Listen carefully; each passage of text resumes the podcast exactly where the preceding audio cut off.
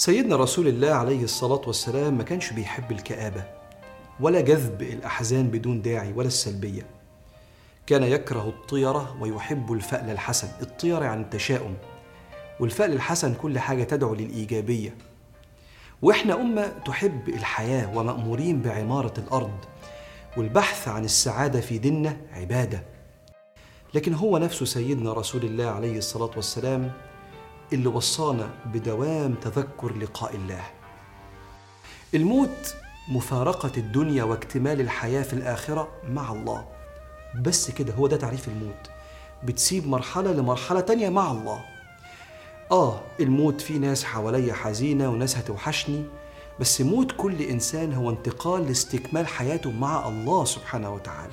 فالموت هو مفارقة من مرحلة إلى مرحلة. فاكرين في القرآن لفتة جميلة يوم ما فرعون هدد السحرة بعد ما أمنوا مع سيدنا موسى إنه هيقتلهم. قالوا له فاقضي ما أنت قاض. اعمل اللي هتعمله. إنما تقضي هذه الحياة الدنيا. يعني لو هتقتلنا أنت هتخلينا ننتقل لدار تانية مش هتأثر على اللي جاية. هنكمل حياتنا الصالحة السعيدة مع الله. دي كانت نظرتهم للموت مفارقة مرحلة إلى مرحلة.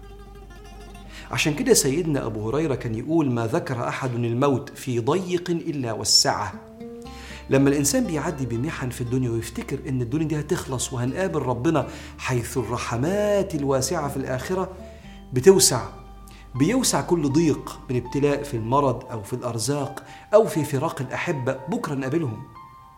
هضرب لك مثال.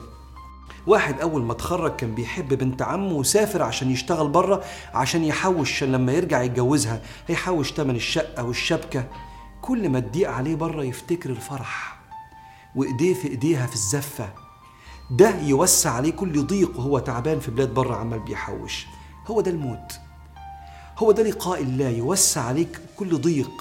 إنك لو في أي ضيق في الدنيا بكرة تروح عند ربنا سبحانه وتعالى إلى السعة. ولعل صبرك على هذا الضيق رفعة للسعة في الآخرة بإذن الله وحل لهذا الضيق في الدنيا.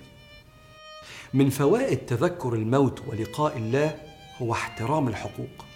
سيدنا رسول الله عليه الصلاة والسلام اتسأل أي الصدقة أعظم اجرا؟ قال أن تصدق وأنت صحيح شحيح تخشى الفقر وتأمل البقاء ولا تمهل. حتى إذا بلغت الحلقوم ما تفضلش ماسك حقوق الناس ومش عايز ترجعها لغاية ما روحك تبقى في الحلقوم هنا. طالعه خلاص. ولا تمهل حتى إذا بلغت الحلقوم. قلت لفلان كذا ولفلان كذا وقد كان لفلان. فالإنسان لو كان دايما متذكر إنه ممكن في أي وقت يقابل ربنا لو عليه حق مادي لحد أو حق معنوي كاسر قلب حد والمفروض يجبر بخاطره بيروح يرجع الحقوق. لأنه عارف إنه في أي وقت ممكن يقابل ربنا ويسأله. وكان سيدنا رسول الله عليه الصلاة والسلام بيفكرنا دايما أو بيعلمنا نفتكر لقاء الله. فكان كل يوم لما ينام يقول باسمك ربي وضعت جنبي وبك أرفعه.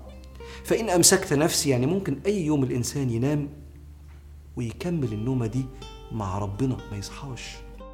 دي مش كآبة دي حقيقة لازم الإنسان يفتكرها علشان لما ينام ما ينامش وهو سالب الناس حقوقها.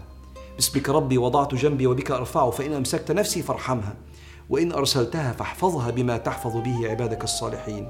وكان يقول باسمك اللهم أموت وأحيا. فدايما يوميا كان يفكرنا إنك ممكن تفارق الدنيا. مش لكآبة وعذاب. هتفارقها الكرم ورحمة ربنا سبحانه وتعالى الواسعة. بس المهم خد بالك من حقوق العباد. فاللهم يا من لم تزل بنا برا رحيما أيام حياتنا لا تقطع برك ورحمتك عنا بعد مماتنا.